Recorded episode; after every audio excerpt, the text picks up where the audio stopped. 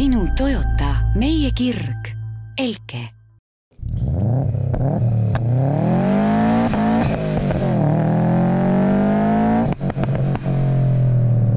Tere tulemast äh, kuulama ja vaatama istmesoojendust, see on siis Delfi Forte ja Accelerista koostöös äh, valmiv autosaade ja mina, Jan-Mats Mandri, olen siin täna Veli Rajasaarega ja hakkame Hommik. nagu, nagu Veli tahab öelda, hakkame siis äh, lämisema autoteemadel. meil on täna päris mitu äh, uut ja huvitavat masinat, mõni siin on äh, huvitavam, mõni on uuem ja mõni on nagu päris veider aga alustame kuskilt otsast pihta. kõige tavalisemast. mina tulen loomulikult oma agendaga, et kui sina neid jaapanlasi kogu aeg push'id, siis mina nagu push in teisest otsast natukene sakslasid ja räägime uuest Golf R-ist, et kui me oleme siin kaheksanda põlvkonna Golfist juba rääkinud, me oleme tegelikult kaheksanda põlvkonna Golfiga ju sõitnud, on ju mm. -hmm siis äh, kaheksanda põlvkonna Golfi GTI ja R on need, mida, mida me veel ootame. GTI kohta on tegelikult juba uudised olemas ja nüüd äh, R-i peaks siin äh, juba homme päev tutvustatama Äh, ja see saab siis olema kõige võimsam Volkswagen Golf üldse ajaloos, mis on toodetud. noh, siis jah, niisugune ütleme, seeria tootmise Golf, aga jah, et neid, neid mingisuguseid tuhande hobujõuliseid äh, isendeid, mis on kuskil välja aretatud, on küll ja veel, aga neid ikka on jah ja., aga aga sellega samas ei, ei tasu vist nagu liialt suurt jõunumbrit ka oodata, et äh, kõige võimsam läbi aegade, nagu ikka, tähendab äh, väga suure tõenäosusega seda, et äh, kolmesajast hobujõust on saanud kolmsada viis. jah, midagi sellist jah, et aga, aga noh, üldjoontes on ju selles mõttes, äh, ma siin ikkagi nagu lobistan veel oma asja, et golf on äh, väike, kerge ja selles mõttes lõbus auto ja seal see kolmsada hobujõudu on tegelikult. kas, kas oled sa kindel, et sa ei aja sassi kaheksakümnendate golfi ei, mina ütlen, mina ütleks, et mina ütlen kõiki neid asju, ma jään nende juurde ka praegusel hetkel. sina muidugi MR2-ga ütled, et nagu kerge on väga ja, selline subjekt, on... subjektiivne termin, et võib-olla mõni äh, maasturimees ütleb ka, et tal on kerge maastur, ütleme, ma ei tea, Dodge Rami kõrval on ju. aga, aga üldjoontes mina jään oma sõnade juurde äh, sellel Golf R-il on ikka neliku edu, nagu tal ka praegustel mudelitel on olnud ja, ja siin on muidugi oma kurvad küljed ka, et Äh, enne seda, kui see uue R-iga siin välja tuldi, räägiti sellest, et seal võiks olla Audi äh, viiesilindriline mootor, mis siis äh, RS3 peal näiteks on. aga Audi ütles loomulikult selle peale, et. unustage ära, et see, see R on ju mm. otseselt meie RS3-e suur konkurent, et me ei hakka teile seda head mootorit ka veel andma, kuigi noh, nad on ju mõnedele autodele sellega ikkagi andnud, näiteks sinu, sinu lemmik hollandlasele on ju ja. ja, ja see on, see ongi huvitav, et, et et eh, noh, tähendab mitte huvitav, vaid kahju tõesti tegelikult, sest rida viie hääl on ikkagi üks põnev asi, ma alles hiljuti. ette kui rida nelja hääl äh, jah, väga vähe on rida neljast, millest annab nagu tegelikult head häält ikkagi välja pigistada. et ähm, siin alles hiljuti oli äh, võimalus näha mööda kihutamas seda meie Eestis olevat äh, Audi Quattro selle S1 replikat ja sellel ka äkki ilusti rida, rida viis turboga mootor kapoti all. Ja vot see, see on niisugune hääl, et väga-väga äh, isikupärane, et äh, midagi sarnast äh, mõned, mõnes teises nii-öelda mootori valemis ei, ei ole nagu võimalik tehagi. et kahju muidugi, kui rida viisi aina vähemaks ja vähemaks jääb. no ja siis on muidugi see teine asi, mille ma olen siin korduvalt ära markeerinud, et mulle Golf kaheksa disainikeel nagu absoluutselt ei meeldi, see näeb mm. välja nagu keegi oleks ma ei tea, väga kõvas pohmeluses pärast ütleme kolmapäevast joomist, siis silmad on kinni vajunud ja auto üldiselt on kuidagi sihuke lömmis. et. Äh, ma eelistaks seda, et nad oleks ikkagi vana disainikeele juurde jäänud, aga noh. no see on umbes see, nagu oli üleminek neljandast golfi põlvkonnast viiendasse vist, et äkitselt tuli nagu sihuke mingisugune niisugune ümar muljas moodustis. no ega see on, see on, sellega on alati see, et on need, kellele meeldib mm, -hmm. need, kellele ei meeldi ja need, kes ajaga ära harjuvad, et kui me yeah. võtame kõik need BMW Neerud ja kõik muud äh, arendused, siis ega nendega on alati see, et alguses on kõik, ei meeldi, ei meeldi yeah.. Lõpuks... kusjuures need Neerud vist lähevad Hiina turu pärast suuremaks, et mingil põhjusel seal hiinlastele meeldivad Neerud lõpuks muutuvad mingiteks kultuks, kultusautodeks ikkagi ja, ja mingi collector's edition yeah. ja et noh Äh, räägime natukene vahele sellest, mis autoturgu üldiselt puudutab ja see on siis äh, hübriid- ja elektriautod, et kui me oleme siin omavahel juba naljatlenud, et varsti me vist testimegi ainult hübriid- ja elektriautosid ja et peame nagu kõvasti oma ja mis iganes me neist ka ei arvaks, me peame alla suruma selle isikliku arvamuse ja nagu üritama midagi head neis leida, et siis nüüd vist on tuleb välja, et ei ole nagu päris nali ka, et et äh, kui siin vaadati Euroopa automüüginumbreid selle aasta aasta jooksul siis tuli välja, et äh,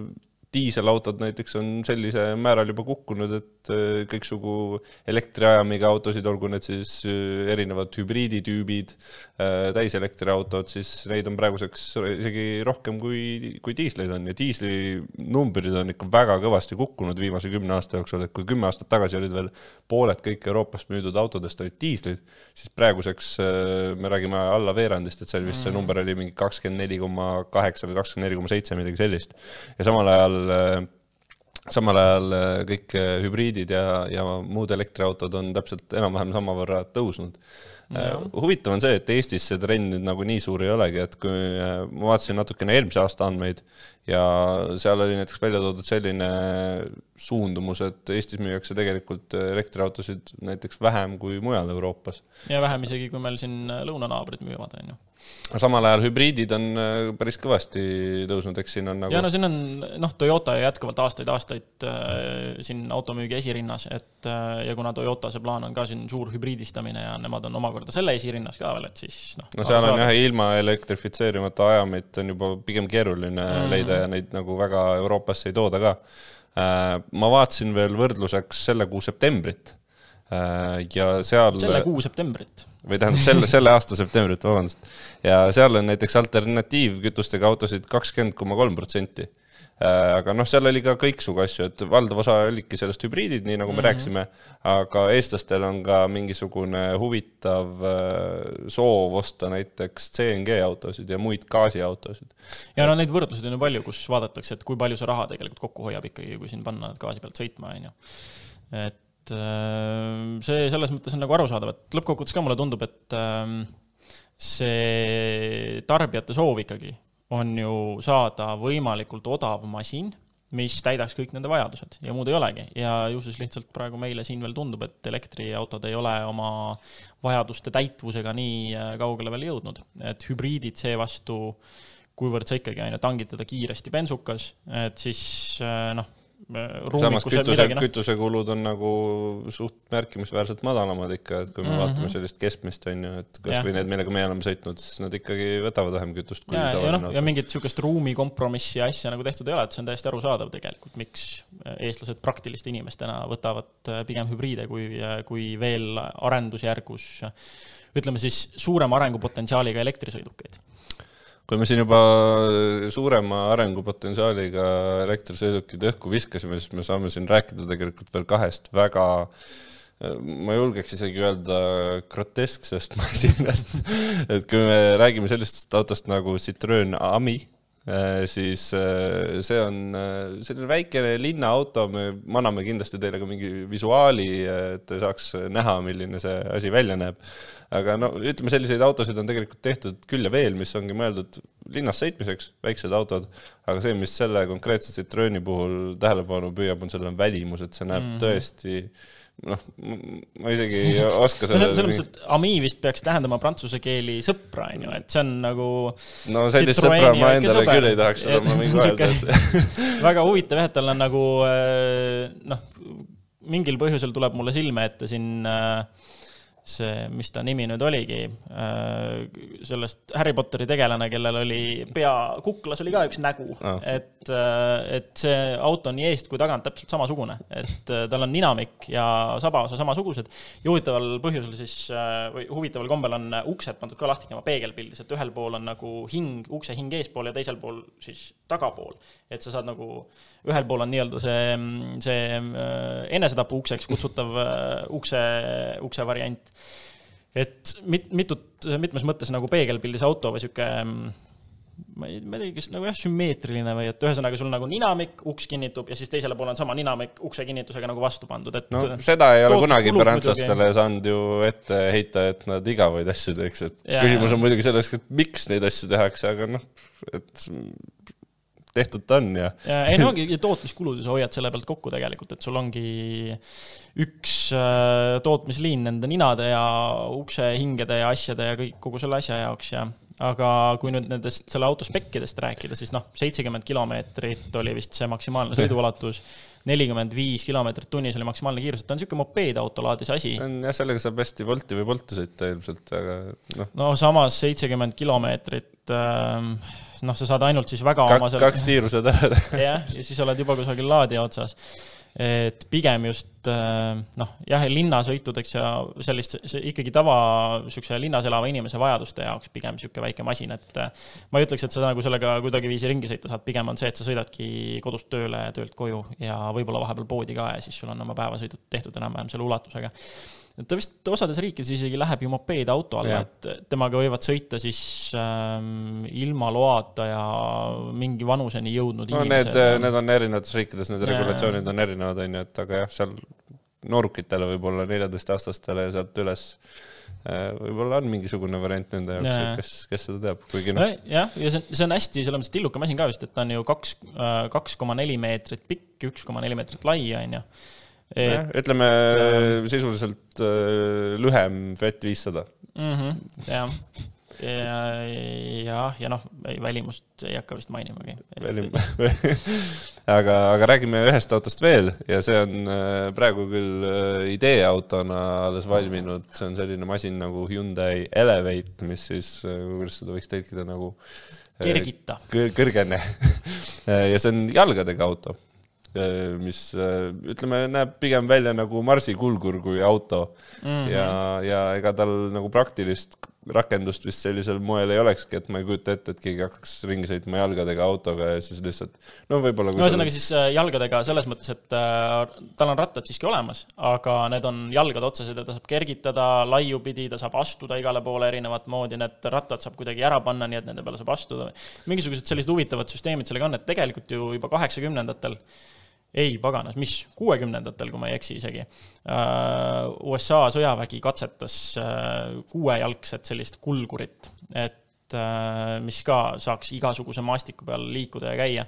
aga seal oli ka probleemiks see, et seal see vist töötas elektri pealt ja seal oli sama, noh, need mured olid juba ka sel ajal, et akude mahtuvus ja ega ta väga kaua vastu ei pidanud ja hästi aeglaselt liikus ja sihuke noh siin on, siin on muidugi huvitav, huvitav küsimus on see, et miks see nagu elektri peal teha, et kui sa mõtled mm, -hmm. et mhm. noh, kus seda asja rakendada saaks, võib-olla kuskil päästes on ju, et ma ei tea, mingi mägedes, mingi keerulised yeah, piirkonnad, kuhu ei ole võimalik muidu ligi saada siis kui sa oled kuskil mägedes, kuskil eriti kauges piirkonnas, siis ma ei usu, et see mm -hmm. elektrilaadija sul seal kuskil nagu ma pole sada protsenti veendunud, see, ma lugesin selle kohta ikkagi suhteliselt pikka aega tagasi, et võib-olla. ei, aga näi-, ma, ma räägin sellest konkreetsest oh, Elevate'ist näiteks, et see on ka täpselt samamoodi mm. elektriline, on ju, et et tundub nagu veider kontseptsioon, et palju mõistlikum oleks niisugune noh, ikka nendes kaugetes kohtades ju eelistatakse ka elektri tootmiseks nagu diislikenekat yeah.. seega no ma kujutan ette, et see tekitakski mingi sellise farsi olukorra, kus päästjad võtavad kaasa diislikeneka ja siis lähevad mm -hmm. oma elektriautoga ja siis hakkavad seda seal laadima, et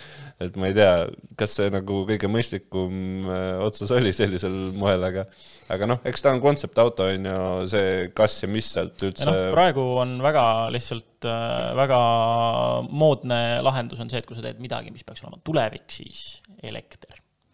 et noh, eks see ole ka, ka see, et, et ei, ei tohi äh, ju ometi jätta muljet, et fossiilsetel kütustel ja surnud dinosaurustel töötav asi saab kuidagiviisi olla parem kui elekter vot sellise noodiga siin praegu äh, lõpetame ja kuulame vahel ühe sponsori kõlli ja siis räägime juba edasi oma proovisõiduautost. sinu Toyota, meie kirg, Elke.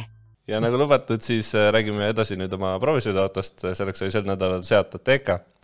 Äh, ma ei tea, kuidas sinuga on, aga mind on Seat viimasel ajal väga positiivselt üllatanud. sama ma, siin. et nii uus Leon kui ka tegelikult Ateca, noh, Ateca on midagi sellist, mis paberil minu jaoks on sisuliselt vastupidine sellele, mida ma tahaksin või mida ma nagu, mida ma autost ootaksin mm, -hmm. et see on linnamaastur, on ju, ta ei, tal ei ole mingisugust sportlikkust, tal mm -hmm. ei ole ka mhm. mingisuguseid muid erilisi eeliseid, aga mingil kummalisel moel ta oli äh, väga sümpaatne mulle äh, okay.. ma ei, ma ei tea, miks ma arvan, et see on see, et ta on äh, täpselt nagu me rääkisime Seat Leoni puhul, ta on nagu see ideaalne tasakaal seal kõigi nende asjade vahel. noh, tegelikult ju Seat, Seat ongi selles mõttes üllatanud mind ka, et, et see nende Leon on äh, põhimõtteliselt minu jaoks see, mis nagu uus Golf oleks võinud olla. et see Golfi edasi pürgiv niisugune digitaalsus oli veidikene liiga, veidike liiast, Leon lõi niisuguse täpse, täpse ja mõnusa tasakaalu. et olid küll multimeedias mingisugused siuksed satikad, aga kui tarkvara värskendusega need satikad lömastada, et siis võiks olla täiesti kõik nagu noh, ei olegi väga midagi, mille kallal nokkida. no samas ta ei ole ka nii odav, kui näiteks Škodad on, et mul mm -hmm. kohati ikkagi seal hakkab vastuse, et need materjalid võib-olla ei ole nii premium, kui oleks harjunud, on ju, et noh, see muidugi inimeste erinevus, mõnel yeah. võib-olla ei olegi need materjalid seal üldse olulised, aga aga ma tunnen, et sealt on ära tabanud selle niisuguse kuldse kesktee seal, et ta on mm -hmm. odavam kui Volkswagen samas ta ei äh, tundu nii odav kui näiteks Škoda mm. et, äh, et ta tundub ikkagi premium pigem, äh, aga ta ei ole kallis. ja, ja, ja noh, ja selle Ateekaga samamoodi, et noh, me oleme ju proovinud siin ka Cupra Ateekat näiteks. ja noh, sarnasus ikkagi on ilmselge, et juba kasvõi sõitjate ruum, et seal tegelikult on päris vähe muudatusi, oli just nüüd, kui me eelmiseid võrdleme, aga, aga sõidukogemuse koha pealt tal ju oli küljes sama lisa, mis äh, nüüd sellel uuel Atekal siis, mis, äh, mis siin erinevatel Cupra versioonidel, et see ACC, see aktiivne šassii juhtimine siis nii-öelda. ja noh, see, kuhu suunas siin meil moodne inseneriteadus liigub, et sellise masina külgkaldumist on võimalik niimoodi siluda, see on, see ikkagi üllatas mind et nagu ikka, mul on oma kindel marsruut, mida pidi ma autosid äh, tihtipeale testin ja proovin läbi kõik need erinevad sõiduprofiilid ja asjad ja noh, siin Atekal samamoodi on ju, on tal olemas ju Eco ja Sport ja oma mingi individuaalne sõidu, äh, sõiduprofiil et kui ma ta sporti keerasin ja käänulise tee peal käisin, siis mind üllatas, kui vähe ta tegelikult kurvides kaldus. ja jah, seal on mingisugune imelik moment, sa vist tabasid ise ka ära, sa midagi jõudsid mainida gaasipedaali kohta mm. -hmm. Et gaasipedaali karakter hoolimata sõidurežiimist on väga huvitav, et sul on mingisugune, sul on alguses suhteliselt surnud punkt ja siis, kui sa jõuad mingisuguse, ütleme nelikümmend üheksa protsenti surnud, viiskümmend protsenti ja nüüd lähme. et tal on nagu see on hästi väike koht, millest üle minnes ta äkitselt reageerib. et äh, see oli huvitaval kombel ka sportrežiimis äh, täpselt samamoodi see oli kusjuures ainukene asi, mis mind selle auto puhul häiris, kuigi mm -hmm. noh, mhm. üks, üks asi oli tegelikult veel, aga see on muidugi nagu väike detail, et äh, need tulukesed, need Oola tulukesed, mis seal pimedas on, no see, see ei ole nagu. ja see... need on ühesõnaga siis äh, kuulajatele-vaatajatele, et kui sa paned, teed auto lukust lahti pimedas, siis ta projitseerib auto kõrvale maha äh, hispaaniakeelse kirja Hola ja, ja ringid ja sellised, see on nagu noh, see, see ei ole midagi sellist, mis nüüd auto ostu nagu ära cancel daks, on ju, et okei okay,, ma ei osta seda autot, sellepärast seal on need Oola ringid, aga see on lihtsalt no, see on, nagu ütleme, lame või nagu on, kitsch. ütleme, see on, see on äh, muidugi lihtne sihuke Mägi-Aivari teibi fix, et otsid need tulukesed üles ja kataliselt ära. et ei pea isegi menüüdes lappama, et vaadata, kas seda saab välja lülitada, aga noh. ma arvan, et saab, ma loodan, et saab. Seat ei ole muidugi ammugi esimene, kes seda teeb, et äh, minu elu kõige, kõige, kõige esimene proovisõiduauto oli samamoodi äh, nüüd see siis viienda gene Mustang ja sellel ka viskas äh, külgedele siis need kappavad, äh, kappavad Mustangid. et pole nagu, pole üldse niisugune uus featuur, aga ma, ma ei tea, ma olen kuidagi sellega harjunud, mind see kuidagi ei, ei häiri või ei kummasta või ei, aga samas ta nagu ei, ei põhjusta ka mingit sorti ägedat reaktsiooni jällegi. ma hüüan selle hinna ka veel välja, et kui ma olen siin nii palju rääkinud, et mõistlikuma hinnaga blablabla, mhm. on ju, siis eh, eks ühe koma viie liitrise mootoriga saja kümne kilovatise Ateeka hind on kakskümmend viis tuhat ükssada, mis on tegelikult nagu väga mõistlik hind, et ja. see ja ongi täpselt kuskil seal Volkswageni sama suurusega autode ja, ja Škoda sama suurusega autode mm -hmm. vahel vahel. ja ruumikus, praktilisus jällegi noh, see on see asi, mille koha pealt ma võin mõista inimeste linnamaasturi lembust, et jah, tal on kasutus, kasutusmugavus ja kõik on olemas. ja erinevaid sõidurežiime proovides, tõsi, ma ei sõitnud nii pikalt, et ma oleks saanud kütusekulu osas mingisugust pikemat statistikat teha või kuidas mingi sõiduprofiil seda, seda mõjutab aga, aga muu nagu kasutusmugavuse ja praktilisuse osas ikkagi, ikkagi mõnus, mugav ja natukene nüüd veel minu jaoks ikkagi miinus, mida ma välja toon mõnikord äh, masinate puhul, on see helisüsteem, et äh, ka sellel masinal paraku jäi ta kuidagi niisuguseks lamedaks, see, et isegi kui sa seal olid mingid veidrad siis... surround süsteemi nagu mingid alged mm, -hmm. aga vahepeal tekkis selliseid kummalisi hetki, kus sa tundsid, et nagu ük, mingisuguse, mingisugused helid tulevad mm -hmm. su kuskilt kõrva tagant, et ja, ja ma vaatasin ma vaatasin üle, et kõik oleks, et heli oleks tsentreeritud mm., on ju, et äh, ei oleks mingisugust balanssi kusagile valele poole ära sätitud ja mängisin Equalizeriga, ikka ta jäi natukene lamedaks paraku. et äh, võib-olla kui hinnakirja tuulata, äkki leiame sealt mingisuguse kallima helisüsteemi, aga igatahes sellel konkreetsel proovisõidumasinal niisugune äh, standard helisüsteem jäi natukene, jättis vajaka ühesõnaga, kui Volkswagen meeldib aga osta ei jõua, siis Seati poole jah. nipinurga osa meil täna ei ole ja me räägime selle asemel hoopis äh, aasta, Eesti aastaauto finalistidest äh,. sina oled seal ka tegev, on ju mm,. siin ja. jah, aastaauto võttis sellise lähenemise nüüd sel korral, et äh, kui eelmine aasta oli ähm, noh, neid hindajaid ikka väga palju, et igast väljaandest oli niisugune kaks inimest siis nüüd sel aastal ikkagi otsustati, et tõmmatakse žürii kokku, igast väljaandest, portaalist, ajakirjast, ajalehest on üks inimene, välja arvatud siis Autoleht, kes, äh, kellel on siis pikalt äh, traditsiooni kohaselt olnud äh, rohkem inimesi žüriis. et praegu sai selle aasta see esikuuik nüüd ära hääletatud.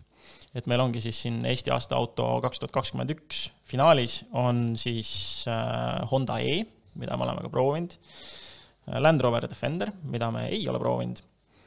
Peugeot kakssada kaheksa, mida me oleme e-elektrilises versioonis proovinud.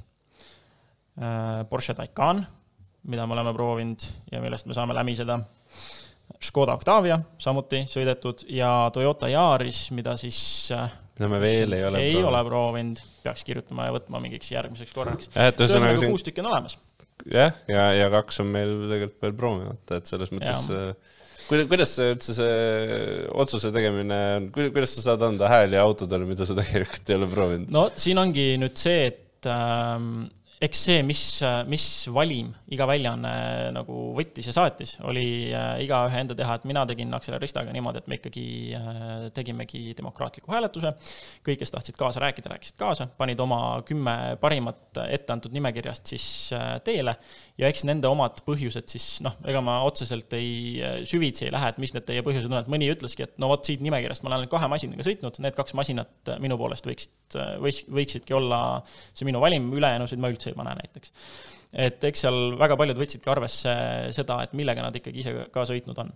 ja minu valim võttis äh, lisaks sellele, millega ma ise sõitnud olen, arvesse ka seda, millega siis meil Accelerista erinevad ajakirjanikud sõitnud on ja millest nad kirjutanud on, et võtsin need arvustused korra uuesti ette, vaatasin üle positiivsed kohad ja mõni selline auto, millega mina isiklikult näiteks sõitnud ei ole, saigi just sellepärast hääle, et keegi minu kaasautoritest, siis meie kaasautoritest on andnud talle ikkagi positiivse hinnangu.